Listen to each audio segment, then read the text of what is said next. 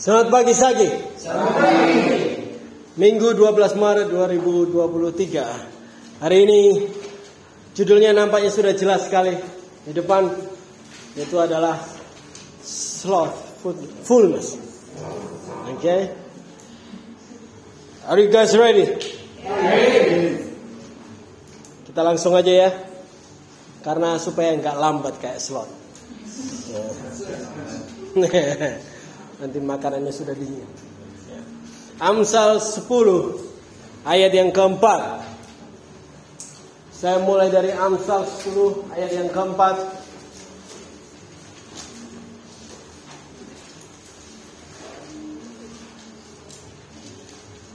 Yang sudah dapat boleh katakan amin. Tangan yang lamban membuat miskin. Tetapi tangan orang rajin menjadikan kaya. Hahaha.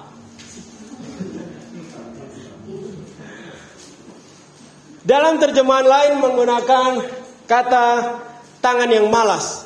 Nah, di sini tangan yang lamban, ada juga pakai tangan yang malas. Ya. Kalau kita tarik dari kalimat Ibraninya atau kata dalam frase Ibraninya ini menjadi lebih unik ayat ini. Yaitu berarti tangan yang kendor. Tangan yang gembleh-gembleh. Tangan yang kendor adalah tangan yang tidak punya kekuatan, Bapak Ibu Saudara. Jadi mau kerja tangannya lemas. Tangan yang tidak punya kekuatan untuk melakukan apa pun. Atau apa pun yang dilakukan dengan tangannya selalu dengan kemalasan. Dalam kelemahan, kelemesan. Apa-apa lemes. Artinya bahwa tangan yang tidak punya daya dan upaya, tangan yang tidak punya semangat, tangannya tidak bergairah, bahkan untuk melakukan sesuatu yang penting sampai levelnya cukup aja deh, secukupnya aja, tidak pernah mempunyai upaya untuk melakukannya, yang tidak pernah bahkan yang penting tangannya hanya berpartisipasi dalam suatu pekerjaan atau hanya melakukan sesuatu tetapi tangan itu tidak punya sama sekali upaya untuk melakukan pekerjaan dengan yang terbaik. Tetapi orang yang tangan malas ini bukan berarti tangan yang tidak bekerja. Tapi apa yang dikerjakan itu dalam kemalasan. Tidak satset-satset.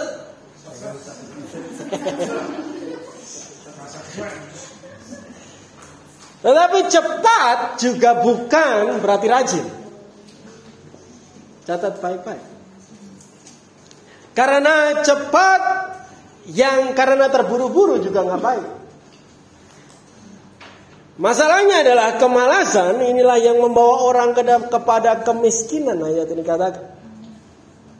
Tangan yang lamban ini bukan karena tangannya capek atau lelah maksudnya. Tangan kita bisa capek. Tetapi memang karena pilihan orang itu untuk melakukan sesuatu dengan tidak semangat. Melakukan sesuatu dengan tangan yang lemas atau tangan yang lamban tadi. Ini adalah bentuk dari sesuatu yang lebih dalam dari hanya sekedar tangan yang capek dan lelah. Lebih dari hanya sekedar tangan yang tidak memiliki kekuatan itu sendiri. Kemalasan adalah hasil dari sesuatu yang lebih dalam dari diri seseorang itu. Yang sudah tinggal di dalam orang itu sendiri. Ada masalah di dalam diri seseorang yang seperti ini. Yang dilihat dalam dirinya bisa muncul dalam pekerjaannya dan dalam semua yang dia rasakan terhadap pekerjaan itu. Siapa yang di sini malas menjadi salah satu daftar dari nafalnya? Banyak juga. Saya harap setelah pengajaran ini setiap kita akan semakin malas. Setiap kita akan melihat kemalasan jadi lebih dalam dari hanya sekedar perilaku seseorang. Ya. Siapa yang siap lebih dalam di sini? Siapa yang mau masuk lebih dalam tentang malas ini? Saya masuk lagi ke Amsal 19.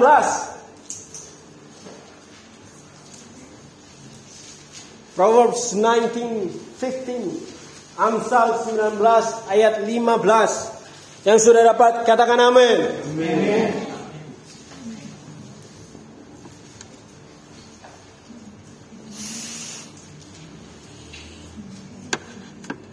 Kemalasan mendatangkan tidur nyenyak. Orang yang lamban akan menderita lapar. Aduh. Slothfulness. Apa semua tahu apa itu sloth? Ini. Atau dalam bahasa Indonesia adalah kangkung. Eh, kungkang. Ya? Menurut fakta ilmu pengetahuan, kangkung, eh, kungkang, kungkang itu adalah binatang terlambat sedunia. Hati-hati kalau kita jadi terlambat sekomunitas. Sehingga kata kemalasan di ayat ini di dalam beberapa terjemahan menggunakan kata slothfulness. Kata ini dipilih untuk menggambarkan kelambatan. Katakan lambat. Lambat. Di dalam bahasa Ibrani-nya itu tulisannya asla, ya dibacanya esla. Ini berarti sebuah kemalasan. Mudah kan? Kata kemalasan sendiri di dalam bahasa Indonesia sebenarnya saya kurang suka karena kurang spesifik, banyak sekali turunannya atau banyak sekali definisinya. Tetapi di dalam kata etslah ini, etslah berarti adalah kemalasan atau kelambanan yang dihasilkan dari keinginan akan kenyamanan. Uh-huh. Saya ulangi lagi, kemalasan atau kelambanan yang dihasilkan dari keinginan akan kenyamanan daging. Maksudnya adalah saat kita malas, sebenarnya yang terjadi adalah kita sedang memenuhi keinginan daging untuk kenyamanan daging kita. Yang kita tidak sadari bahwa daging kita ini selalu merindukan kenyamanan. Dan akan selalu merindukan juga ketenangan. Dan saat daging ini meminta hal itu, dan kita mulai memenuhinya dan mulai menurutinya, yang akan muncul dalam hidup kita bentuknya dari tindakannya adalah kemalasan itu. Jadi Akar dari kemalasan ini adalah kita sedang menuruti daging kita. Orang yang malas dia sedang menuruti kehendak dan keinginan daging. Kita sedang menuruti apa yang diingini daging untuk kenyamanan itu. Yang sedang dirindukan dan diinginkan oleh daging itu. Masalahnya adalah seperti pada ayat ini. Kemalasan akan menghasilkan tidur nyenyak. Nah pertanyaannya apa masalahnya tidur nyenyak? Apa masalahnya Pak tidur nyenyak? Mari kita lihat 1 Samuel 26 ayat 12. 1 Samuel 26 ayat 12 yang sudah dapat katakan tidur. Tidur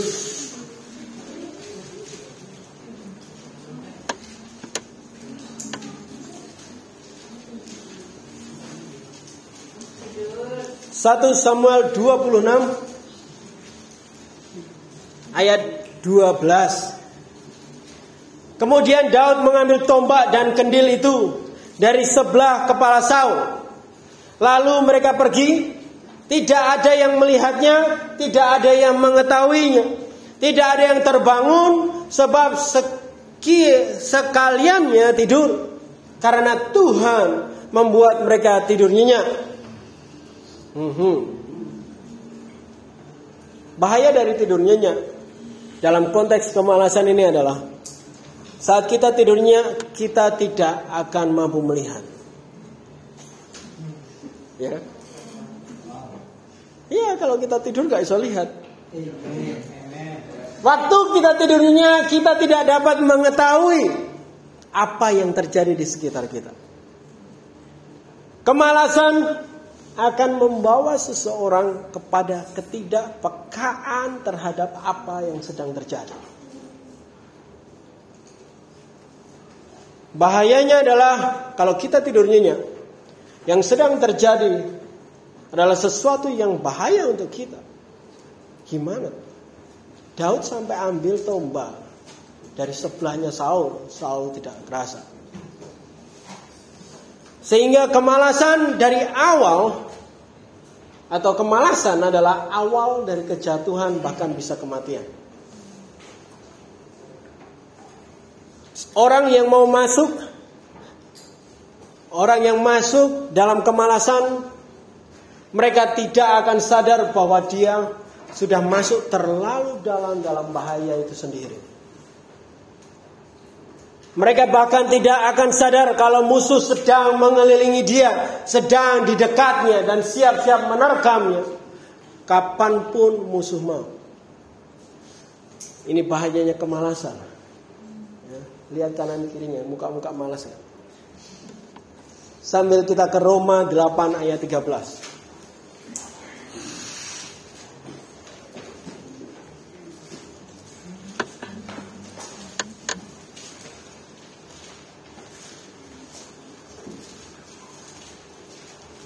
Roma 8 ayat 13 yang sudah dapat katakan amin.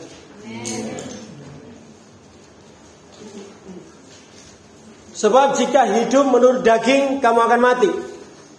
Tetapi jika oleh roh kamu akan mematikan perbuatan-perbuatan tubuhmu, kamu akan hidup. Dikatakan jika kamu hidup menurut daging, apa yang terjadi? Mati. Apakah kalian ingat yang kita lihat tadi kenapa kita malas tadi di atas tadi? Karena kita sedang mengikuti keinginan daging kita akan kenyamanan. Dan Amsal tadi pun juga mengatakan bahwa kemalasan akan membawa kepada kelaparan. Kata kelaparan ini juga merujuk kepada dibiarkannya lapar. Orang yang malas akan dibiarkan Tuhan lapar.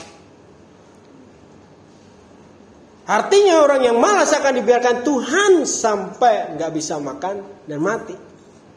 Orang yang malas, orang yang lamban, dan mereka yang sedang mengikuti daging itu dan kematian sudah menanti mereka. Karena Tuhan pun juga membiarkan mereka lapar. Tuhan akan membiarkan orang yang malas itu menikmati hasil dari kemalasannya yaitu adalah kelaparan dan kematian pada ujungnya. Sebelum saya masuk lebih dalam lagi Bapak Ibu Saudara. Poin saya sampai titik ini adalah menunjukkan bahwa kemalasan terjadi karena kita sedang mengikuti daging. Daging kita mengingini kenyamanan. Daging kita mengingini ketenangan. Dan saat kita mengikuti daging itu, mengikuti apa yang diingin dari daging itu, jadilah kelaparan dan kematian bagi hidup kita. Siap lebih dalam lagi? Pengkhotbah 10 ayat 18.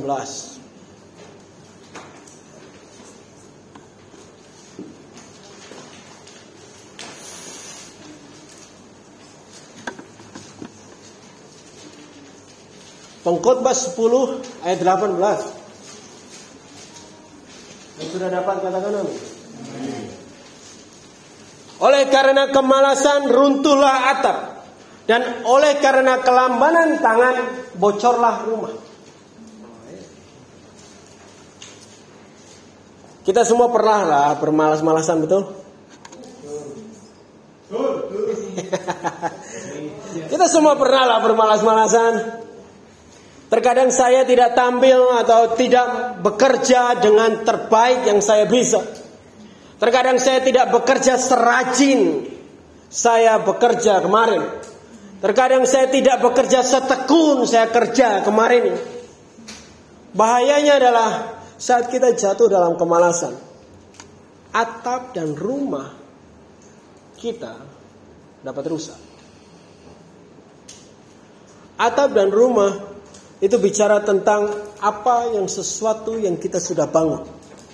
Yang sudah kita tata yang sudah kita rintis, yang sudah kita siapkan dan bahkan bangun. Atap sendiri spesifik menggambarkan perlindungan. Dan rumah menggambarkan kehidupan kepada keseluruhannya. Saya akan masuk lebih dalam di sini. Perlindungan yang sudah kita bangun, kehidupan yang sudah kita bangun bisa dalam bahaya hanya karena kita menyerahkan diri kita kepada kemalasan itu. Pernahkah kita kehilangan atap yang sudah kita bangun? Sudah berjuang untuk tidak melakukan dosa dan bekerja dengan benar selama satu minggu. Sudah mencoba kuat mendapat libur satu hari, yang terjadi di libur itu adalah kita menyerahkan diri kita kepada kemalasan kita. Dan pada akhirnya di dalam satu hari itu aja kita melakukan dosa yang tadinya sudah kita tahan-tahan dan kita tidak lakukan dalam semingguan. Kita sedang menghancurkan atap kita sendiri hanya dengan memilih untuk menyerahkan diri kita kepada keinginan daging akan kenyamanan itu. Menyerahkan diri kepada kedagingan itu yang membawa kita kepada kemalasan daging kita atau hidup kita. Ingat, sabat hari libur bukanlah hari pembebasan daging.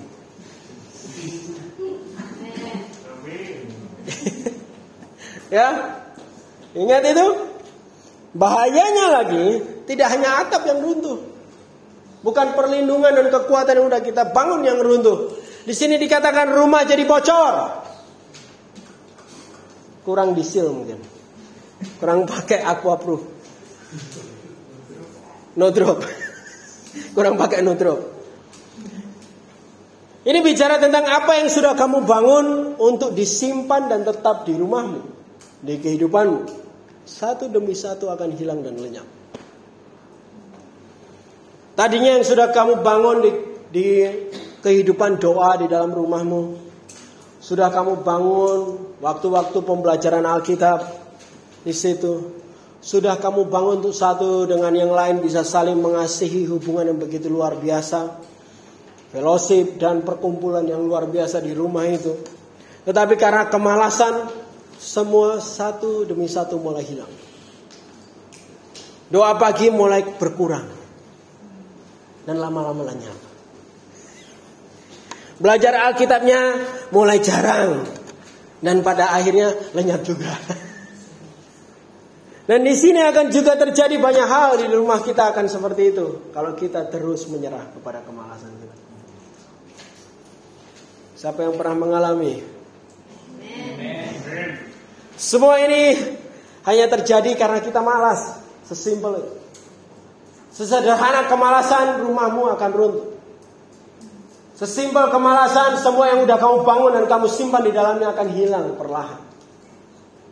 Akan lenyap perlahan.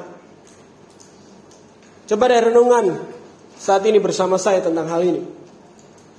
Apa yang baik yang sudah diadakan di rumahmu? Ingat-ingat apa yang sudah baik yang sudah kamu bangun di kehidupanmu. Dan sekarang sudah semakin jarang dilakukan atau bahkan sudah hilang sama sekali. Karena kita sudah menyerah kepada kemalasan itu. Sudah menyerah kepada keinginan kenyamanan itu. Kemalasan akan menghancurkan pertahanan yang sudah kamu bangun akan dosa itu. Kemalasan bahkan juga akan menghilangkan apa yang sudah kamu rintis dan kamu bangun, kamu mulai. Dan semakin sering kita menyerah pada kemalasan, akan semakin sering juga kita akan kehilangan apa yang sudah dibangun. Jadi ayat ini akan mengingatkan kita hari ini bahwa kemalasan akan membuat kita kehilangan apa yang sudah ada di hidup kita. Kemalasan bahkan juga akan membawa hidup kita kehilangan apa yang sudah kita mulai dan kita sudah berjuang akan hal itu. Atapmu akan runtuh dan rumahmu akan bocor hanya karena satu makhluk ini. Kemalasan. Jadi hati-hati sama malas. Hati-hati sama kangkung. Amsal 12 ayat 27.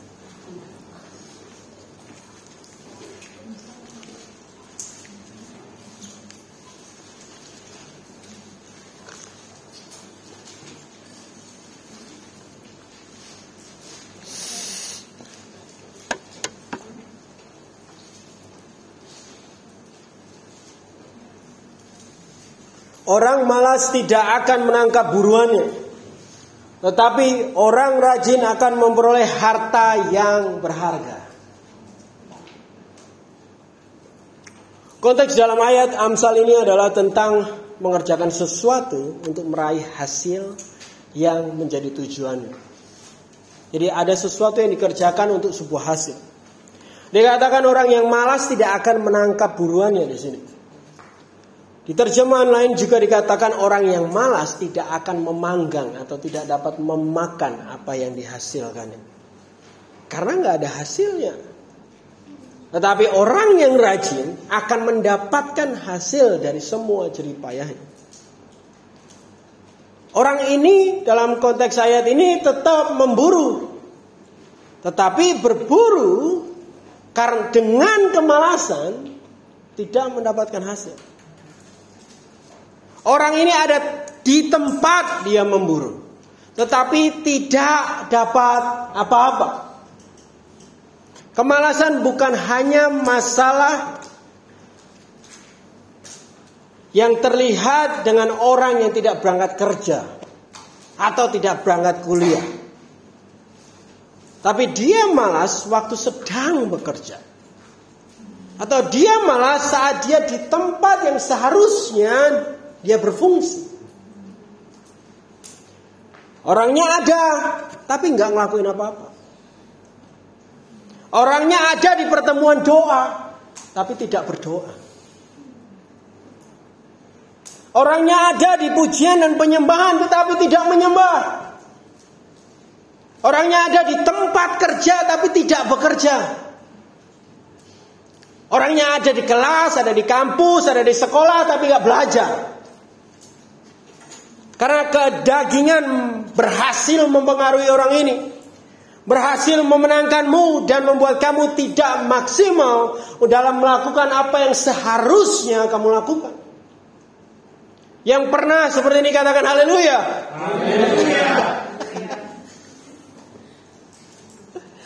Kita ada di posisinya tapi tidak berfungsi sebagaimana seharusnya. Kita ada di posisi suami tapi malas, tidak berfungsi sebagai kepala yang benar. Kita ada dalam posisi istri tapi malas, tidak berfungsi jadi istri yang benar dan pengurus rumah yang baik. Kita posisi anak tapi malas, tidak pernah belajar, tidak pernah bahkan taat dan menjadi anak yang benar. Karena kemalasan-kemalasan itu kita tidak akan mendapatkan hasil yang seharusnya dihasilkan. Orang memburu ya harusnya dapat buruan. Tidak ada hasil. Doa tidak didoakan. Pujian dan penyembahan tidak berdampak apa pun ke orang itu. Atau bahkan orang lain. Pekerjaan tidak mencapai hasil. Sekolah, kelas, pendidikan, kuliah tidak mendapatkan nilai terbaik. Karena kamu di situ kamu tahu, tapi kamu nggak lakukan apa-apa. Tidak menjadi kepala rumah tangga yang benar. Tidak menjadi istri si pengurus rumah yang baik. Dan tidak menjadi anak-anak yang taat. Orang malas tidak akan mendapatkan buruannya Bapak Ibu Saudara. Orang malas tidak akan mendapatkan hasilnya. Walaupun kamu absen. Walaupun absen mungkin titik teman. Tetapi mereka yang rajin di dalam pertemuan doa mereka berdoa. Betul? Benar ya? Besok minggu awas ya doa. Di dalam pujian penyembahan yang menyembah dan memuji di, di tempat kerja ya kerja. Di sekolah, di kampus ya belajar. Jadi suami ya memimpin. Ada suami-suami di sini. Ada istri-istri di sini. Jadi istri yang ngurus rumah tangga. Saat kamu rajin di mana kamu berada, melakukan apa yang seharusnya kamu lakukan di posisi kamu ditempatkan, kamu akan memperoleh hasilnya. Akan ada hasil yang bisa dia dapatkan. Oh, kemalasan menarik ya. 2 Tesalonika 3.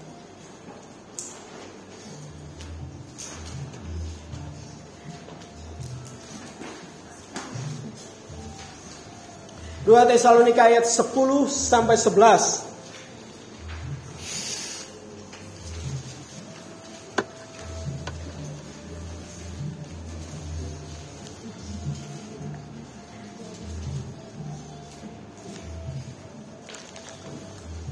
Mau lihat lagi tentang kemalasan yang lain? Ayat 10 sampai 11 Sebab jika waktu kami berada di antara kamu Kami memberi peringatan ini kepada kamu Jika seorang tidak mau bekerja Janganlah ia makan Kami katakan ini Karena kami dengar Bahwa ada orang yang tidak tertib hidupnya dan tidak bekerja melainkan sibuk dengan hal-hal yang tidak berguna. Aha. Aha. Ini bagian dari surat Paulus. Siapa kenal Paulus? Dan dengan ini juga memperlihatkan bahwa kita saat kita malas atau kemalasan juga menjadi bagian dari kehidupan jemaat orang mula-mula. Karena kemalasan tidak hanya ada pada seseorang yang tidak mengenal Tuhan, Bapak Ibu Saudara. Jadi kalau kamu Kristen belum tentu kamu rajin. Umat Tuhan, gereja Tuhan, dan orang percaya perlu waspada akan kemalasan ini. Dan Paulus sedikit memberi kita detail salah satu bentuk dari kemalasan orang bekerja. Di ayat 11 dikatakan ini. Orang tidak tertib hidupnya dan tidak bekerja, melainkan sibuk dengan hal-hal yang tidak berguna. Orang yang tidak tertib, tidak diselipin, tidak disiplin. Orang yang malas bisa juga kelihatan sibuk. Tetapi sibuk dengan hal-hal yang tidak berguna. Berarti sibuk bukan berarti tidak malas. Jadwalmu penuh bukan berarti kamu rajin. Ingat tadi bahwa akar kemalasan apa? Adalah kedagingan yang mengingini kenyamanan. Faktanya adalah kita tidak suka dengan kesulitan. Kita tidak suka dengan kesusahan. Sehingga begitu hal yang seharusnya kita lakukan itu sulit. Kita memilih untuk melakukan hal yang lebih nyaman dan mudah untuk kita lakukan. Yang lebih enak dan yang lebih kita sukai. Betul? Betul. Dikit berarti yang kayak gitu. Betul. Ini juga bentuk kemalasan Bapak Ibu Saudara. Kita lebih memilih yang mudah. Apa yang tidak membuat sakit. Apa yang lebih kita sukai. Jelas. Dan saat kita pilih untuk melakukan hal itu, sebenarnya kita sedang menjauh dari pekerjaan yang seharusnya kita kerjakan. Seharusnya kita lakukan mulai jauh menjauh menjadi satu. Kita lihat Efesus 2 ayat 10.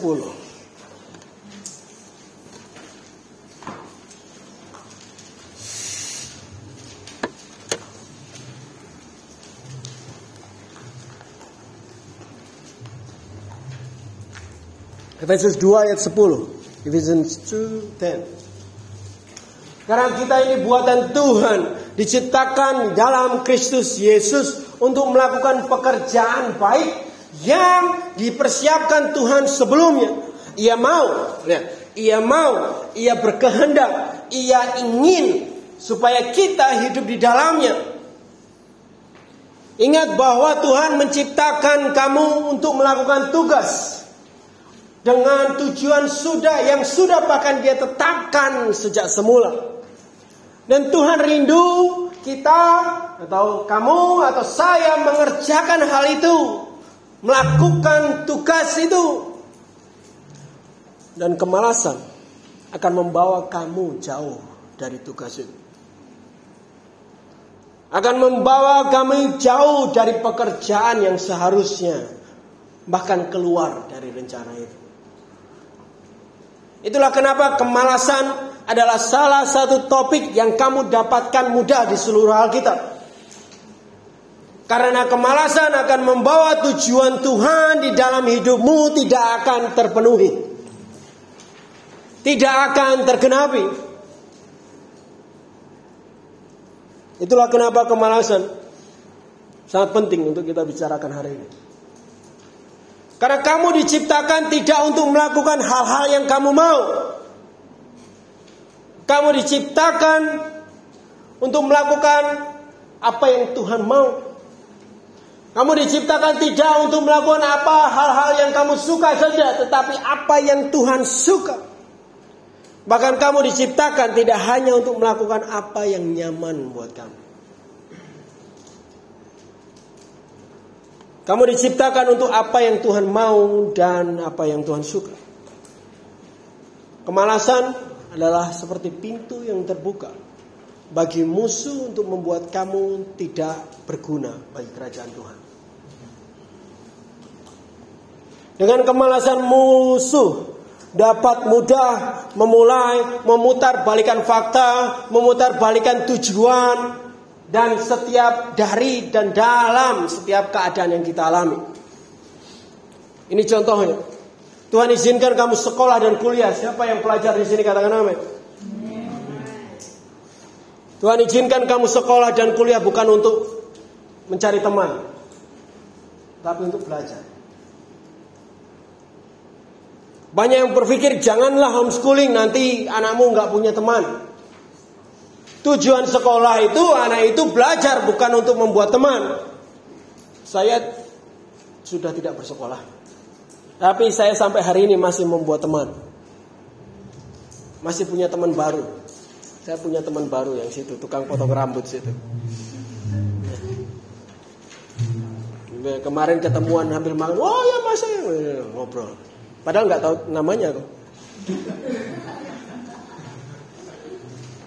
Lihat fokus bisa berubah dan menjauh dari fokus yang seharusnya dan tujuan yang seharusnya. Bekerja menjadi sales, siapa yang sales di sini? Bukan untuk kesempatan nongkrong sana sini. Amin. Tetapi untuk closing dan penjualan. Yeah, haleluya. ABC. ABC, always be closing. Menjadi suami istri bukan untuk kesempatan bisa menikmati keintiman setiap hari saja. Catat baik-baik tuh, apalagi yang mau nikah juga. Tetapi untuk melahirkan generasi bagi Tuhan. Keintiman suami istri memang penting. Tetapi itu bukanlah tujuan akhir dari kenapa kamu dipertemukan sama si dia.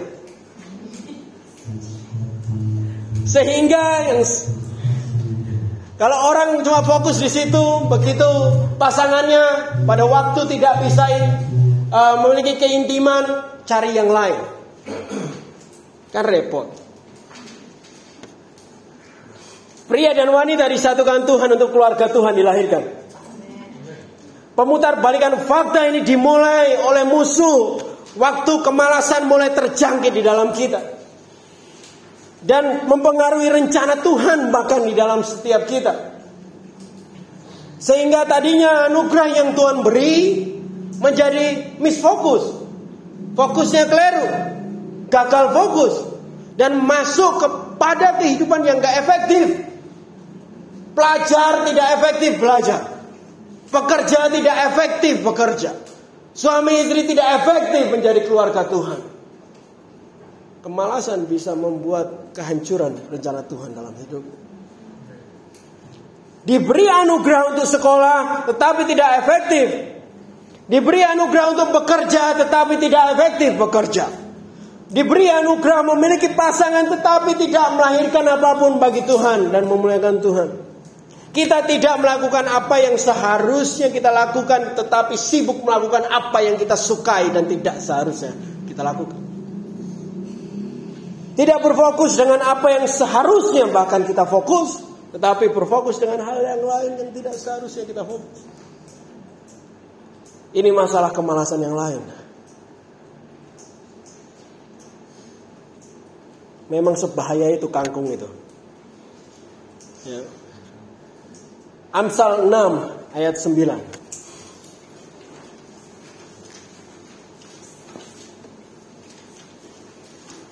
Jadi sibuk bukan berarti rajin ya. Ah aku nggak punya waktu. Lihat dulu jadwalnya.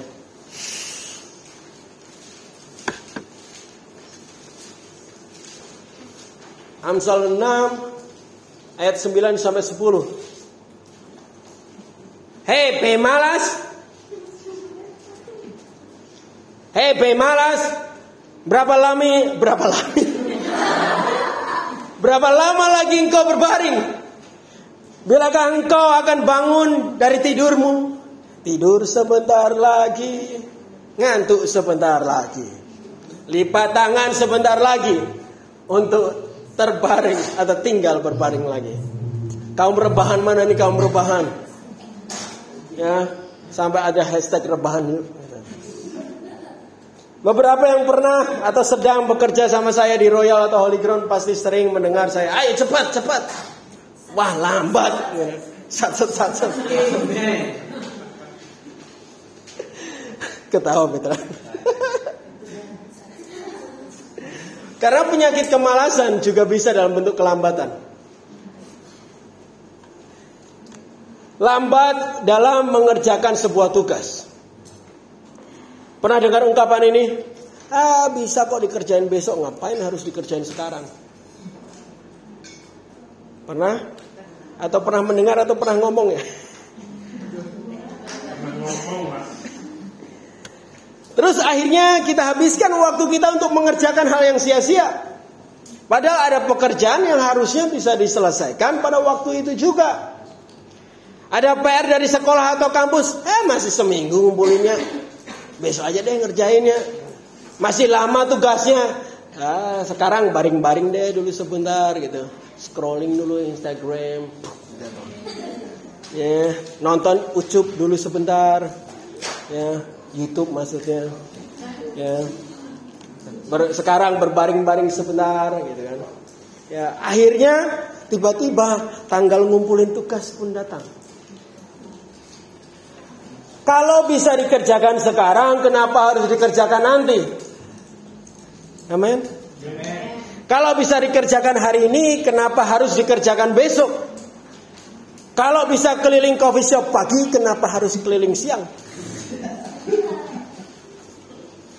Kalau bisa ngantar sirup hari ini, kenapa harus besok? Yang sales di sini enggak baik-baik yang sales yang di sini. Catat ini baik-baik, penundaan itu juga kemalasan.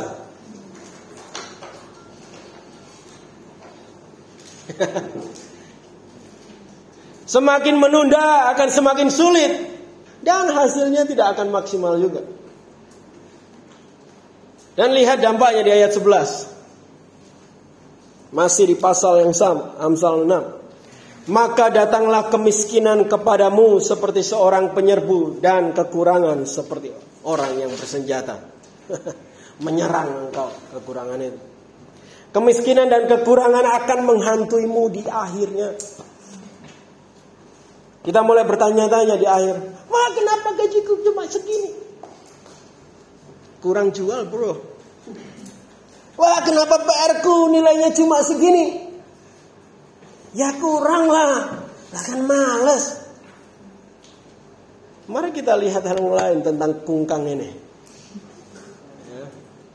Matius 25.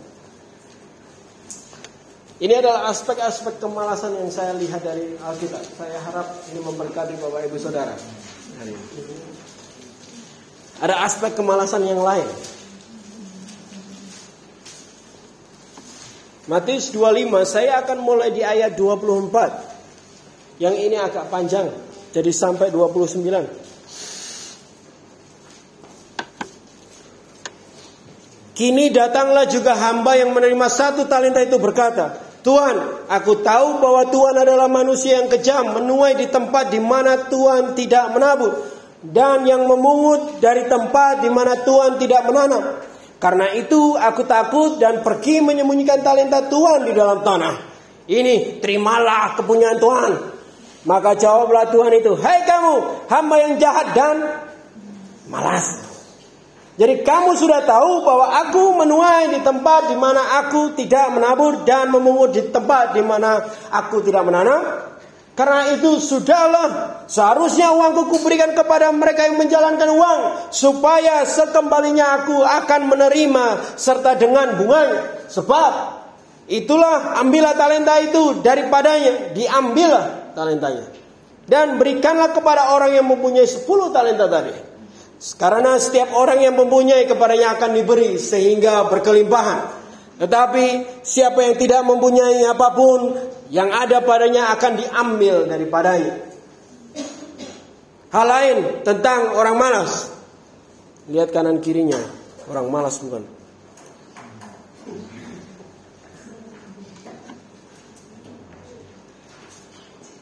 Orang malas juga memiliki pikiran ini. Orang malas biasanya juga terjeb, terjebak, terjebak, terjebak dan sibuk dengan pikiran. Hmm, siapa yang diuntungkan kalau aku lakukan ini? Ini juga dilakukan hamba pemalas ini. Dia terjebak dengan pikiran memperhitungkan pekerjaan yang dia kerjakan.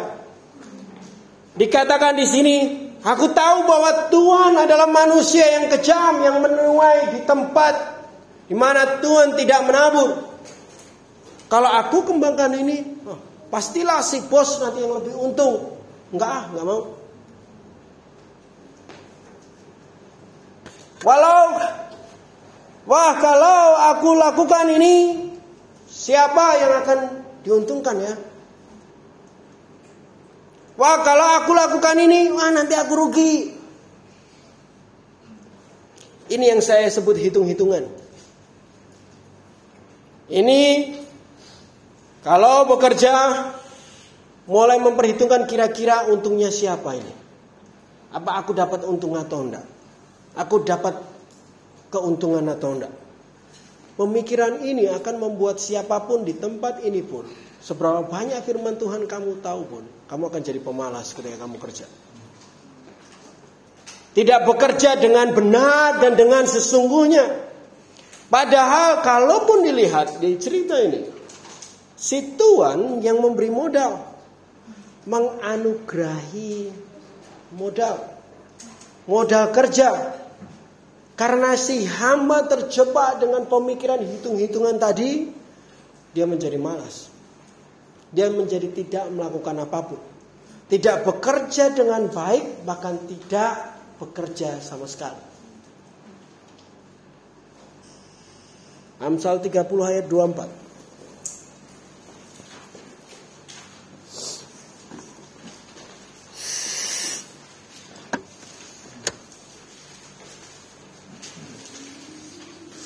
Amsal 30 ayat 24 dikatakan ini. Seperti cuka bagi gigi dan asam bagi mata. Wow. Amsal 30 24 betul. Bukan ya? Keliru berarti. Oh, keliru berarti. Nah. Itu ada di Amsal somewhere. 14 ayat 14 coba. Betul nggak? Ayat 26. Amsal 10 ayat 26.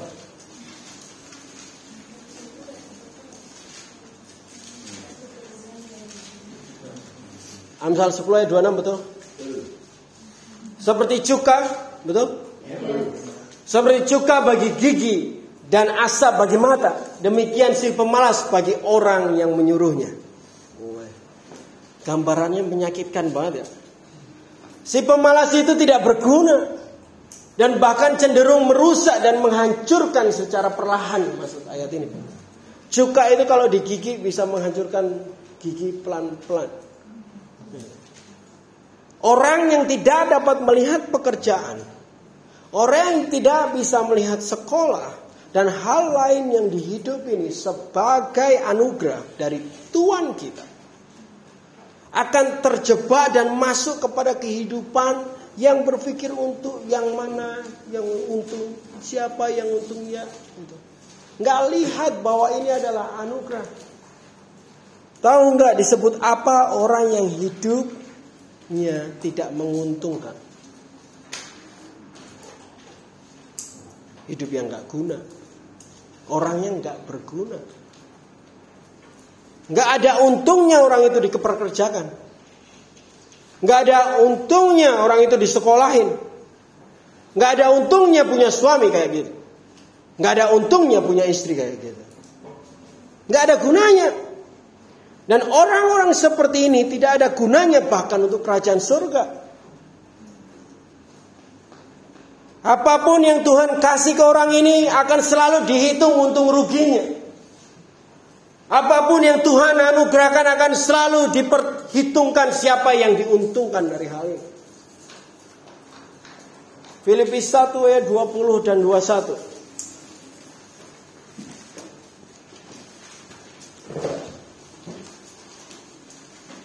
Filipi 1 ayat 20 dan 21 Ini ayat yang veteran kasih ke saya tadi malam Sebagai hadiah ulang tahun Sebab yang yang sangat kurindukan dan kuharapkan ialah bahwa aku di dalam segala hal tidak akan beroleh malu melainkan seperti sedia kala demikian pun sekarang dengan nyata dimuliakan Kristus di dalam tubuhku baik oleh hidupku maupun oleh matiku karena bagiku hidup adalah Kristus dan mati adalah keuntungan. Paulus hidup dengan standar yang sebaliknya. Dia memastikan hidupnya selalu memberi keuntungan untuk tubuh Tuhan dan untuk Tuhan sendiri. Dia memastikan hidupnya memberi keuntungan bagi orang lain untuk Yesus dimuliakan dari tubuhnya dari dirinya, dari seluruh kehidupannya, bahkan matinya. Bahkan kalaupun sampai akhirnya dia mati, berarti mati itu juga adalah biarlah menjadi keuntungan bagi Tuhan. Tidak ada sama sekali perhitungan untuk apa yang dia dapat dari semua yang Tuhan berikan. Siapa yang mau jadi sama sama kayak hamba yang malas tadi? Tapi siapa yang mau jadi seperti Paulus? Hidup dan mati memberi keuntungan kepada Tuhan. Tidak bahkan memperhitungkan dan membuat kita bahkan tidak melakukan apa-apa. Lihat Yeremia 29 ayat 7.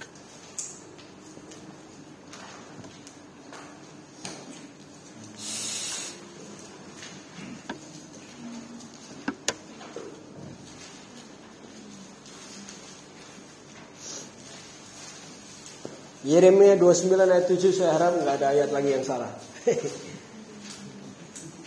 Usahakanlah kesejahteraan kota di mana kamu aku buang. Dan berdoalah untuk kota itu kepada Tuhan sebab kesejahteraannya adalah kesejahteraanmu juga. Saat itu mereka ada di Babel dan surat ini dikirim untuk mereka umat Tuhan yang berada di Babelonia. Ayat ini dikatakan usahakanlah kesejahteraan kota di mana aku buang kamu. Bahkan di dalam hal yang nampaknya tidak sempurna, Tuhan tetap juga menguatkan umatnya untuk memberi keuntungan di mana pun mereka berada. di tempat yang Tuhan taruhkan mereka, di dalam pembuangan, bahkan di dalam pemerintahan yang tidak takut akan Tuhan. Tetapi Tuhan mau mereka tetap bekerja dan berusaha untuk membawa keuntungan bahkan kepada Babel. Kalau kamu bekerja di perusahaan yang dimiliki oleh orang yang bukan percaya, itu bukan alasan untuk kita bermalas-malasan dan tidak bekerja keras. Di mana pun kita berada, posisi apa pun kita ditempatkan, di situ kita harus bekerja untuk keuntungan Tuhan. Karena nama Tuhan yang akan dimuliakan dari hidup kita. Jangan terjebak dengan pemikiran perhitung perhitungan untung dan siapa yang diuntungkan, siapa yang dapat diuntungkan ini, apakah orang itu layak terima untung atau enggak. Kita bekerja sebagaimana Paulus memberi keuntungan kepada Tuhan dalam semua hidup. Bekerjalah dan berilah keuntungan kepada Tuhan dan kepada siapa pun di sekitar kamu. Saya masuk ke Ibrani 5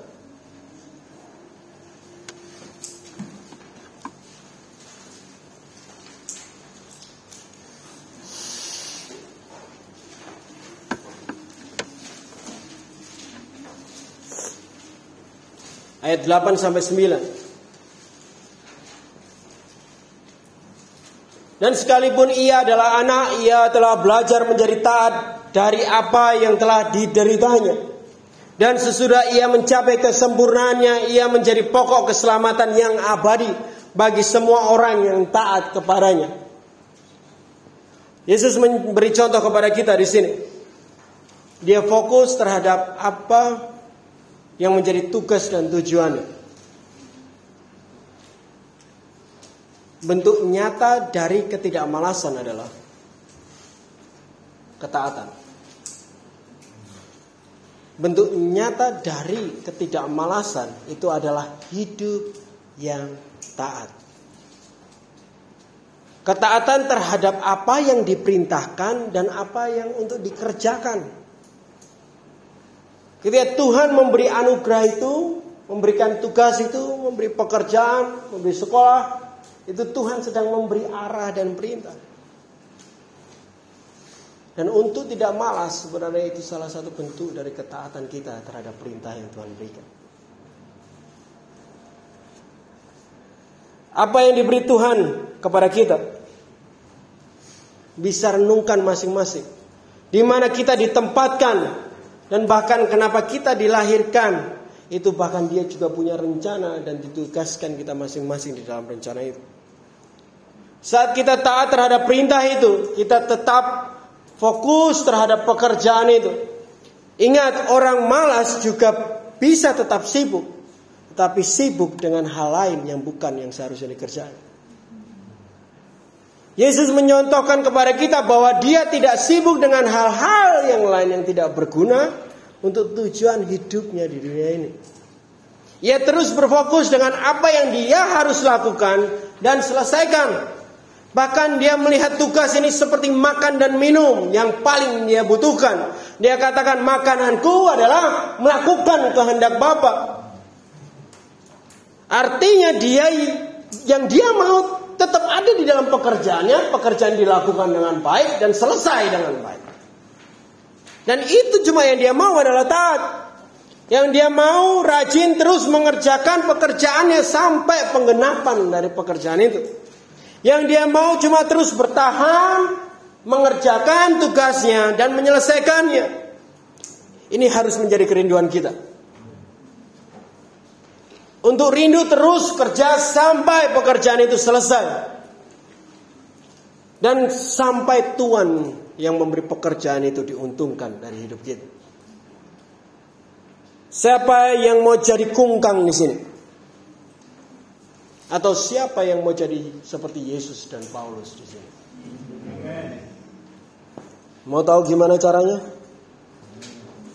Mau tahu gimana caranya? Atau kita selesai di sini? Amsal 6 ayat 6.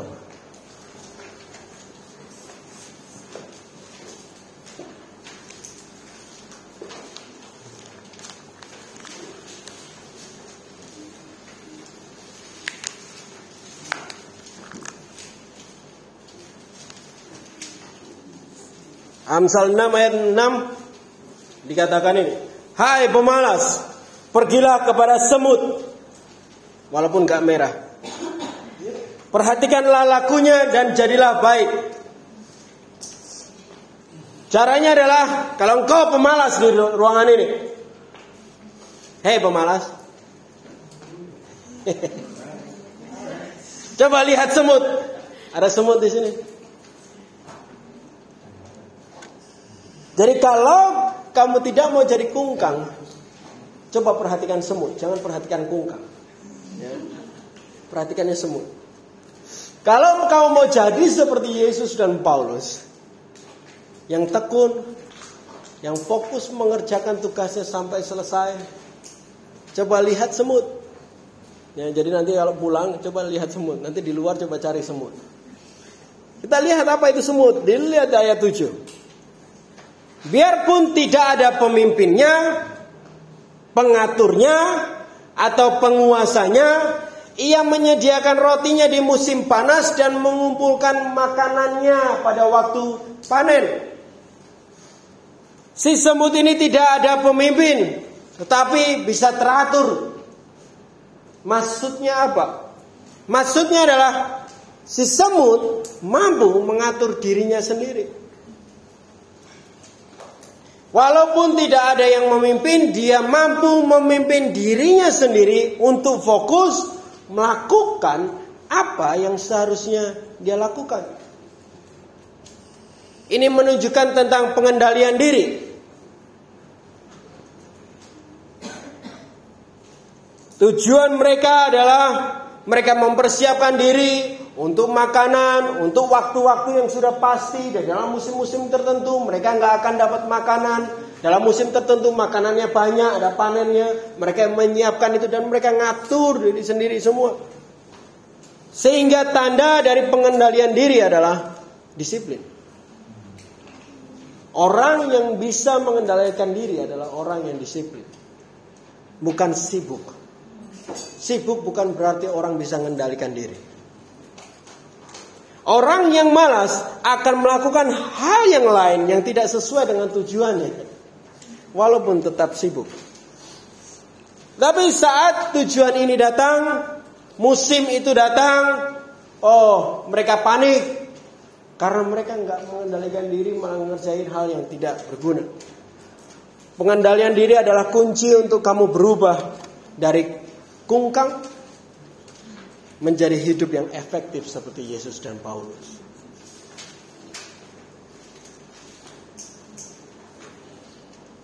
Saya masuk ke Ibrani 6. Jadi kendalikan dirimu.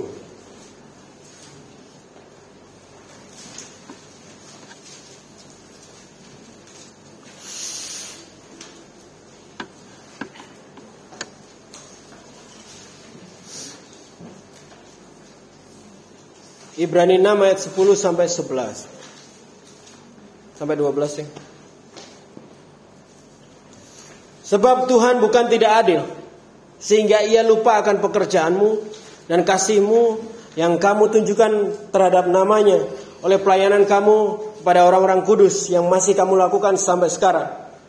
Tapi kami ingin supaya kamu masing-masing menunjukkan kesungguhan yang sama untuk menjadi pengharapanmu suatu milik yang pasti sampai pada akhirnya agar kamu jangan menjadi lamban tetapi jadi penurut-penurut mereka yang oleh iman dan kesabaran menjadi bagian dalam apa yang dijanjikan Tuhan. Ketika kita melawan tugas kita, Bapak Ibu Saudara, kita tidak perlu memperhatikan dan memperhitungkan keuntungan untuk diri kita sendiri. Kalau tidak kita akan masuk dan terjebak di dalam. Tapi lihat karena Tuhan kita adil. Dia tidak akan tidak melihat apa yang kita lakukan. Dia bukan Tuhan yang tidak mengingat apa yang kamu lakukan. Dia melihat setiap tindakan yang dilakukan oleh umatnya. Dan dia memperhitungkan hal itu. Sehingga sangat penting untuk kita memperlihatkan bagaimana kita bertindak ataupun melakukan tugas yang seharusnya kita lakukan itu dengan benar. Inilah harapan yang harusnya kita miliki. Pengharapan bahwa Tuhan melihat semua yang kita lakukan itu. Pengharapan inilah yang keluar dalam bentuk kesungguhan. Lebih sungguh-sungguh lagi. Saat saya melihat apa yang saya kerjakan itu jadi anugerah Tuhan. Apa pun yang saya kerjakan setiap hari jadi anugerah Tuhan. Bahwa Tuhan melihat semua hal ini. Dan karena kasihnya dia berikan hal ini. Saya mau Tuhan lihat saya bekerja dengan baik. Dan saya mau Tuhan lihat saya menyelesaikannya dengan baik juga. Dan saya mau pada akhirnya dikatakan good and faithful servant hamba yang baik dan hamba yang setia. Dengan harapan inilah dan dari harapan inilah membantu saya untuk terus bersungguh-sungguh dalam melakukan apa pun yang saya perlu lakukan. Kepercayaan kita akan keadilan Tuhan adalah pengharapan itu akan terlihat dalam kesungguhan gimana kita bekerja akan terlihat di dalam bagaimana kesungguhan kita dalam kuliah, sekolah, dan melakukan semua tugas-tugas kita. Dan juga sebaliknya, kemalasan akan membawa kamu ke dalam ketidaktaatan, tetapi kerajinan akan membawa kamu membangun hidupmu dalam ketaatan. Kehidupan yang taat akan terus ada pada tugas yang dianugerahkan Tuhan kepada kita. Biar kita menjadi rajin dalam melakukan tugas kita masing-masing. Dan apa pun yang kita buat dan hasilkan biarlah untuk kemuliaan Tuhan. Ayat terakhir kita hari ini di 2 Tesalonika. Oh, saya bohong, bukan terakhir ternyata. Setelah tak geser ada lagi ternyata. Muncul dia. Ya 2 Tesalonika 3 ayat 12.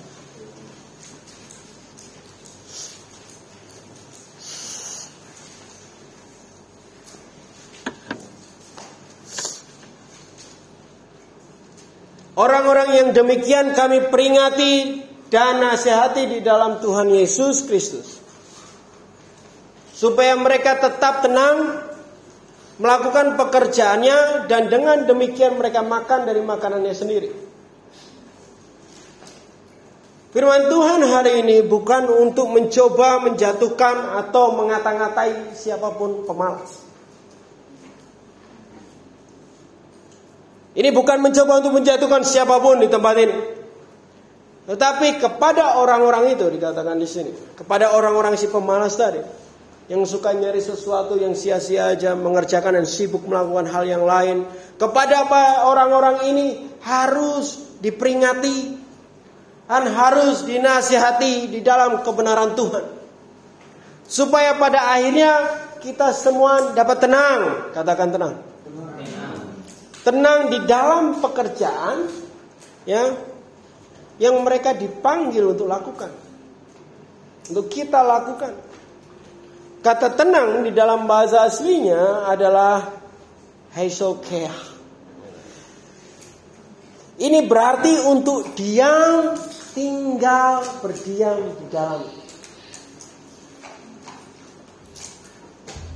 Seorang pendeta dan seorang gembala haruslah juga mengingatkan setiap orang untuk terus berdiam dan tinggal di dalam panggilan dan tugas setiap orang masing-masing. Kalau enggak kami gagal kalau enggak memperingati.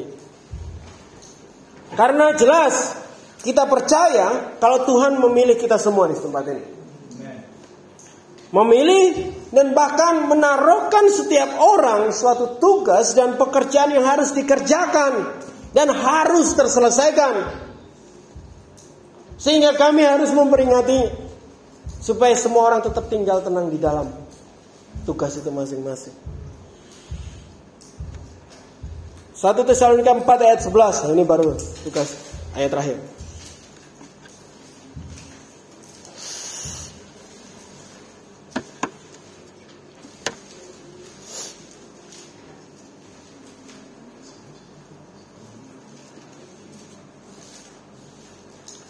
Dan anggaplah suatu kehormatan untuk hidup tenang. Untuk mengurus persoalan-persoalan sendiri dan bekerja dengan tangan seperti yang telah kami pesankan kepadamu.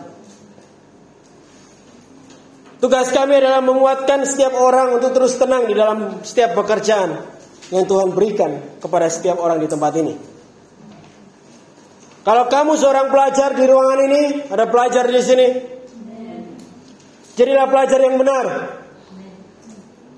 Kalau kamu seorang pekerja di ruangan ini, ada pekerja di sini.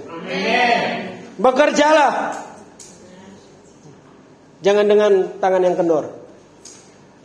Kalau kamu seorang suami di ruangan ini, ada suami di sini. Jadilah kepala rumahmu. Pimpinlah rumah tanggamu. Kalau kamu seorang istri di ruangan ini, ada istri di sini. Amin. Jadilah pengurus rumah tangga yang benar. Jangan malas.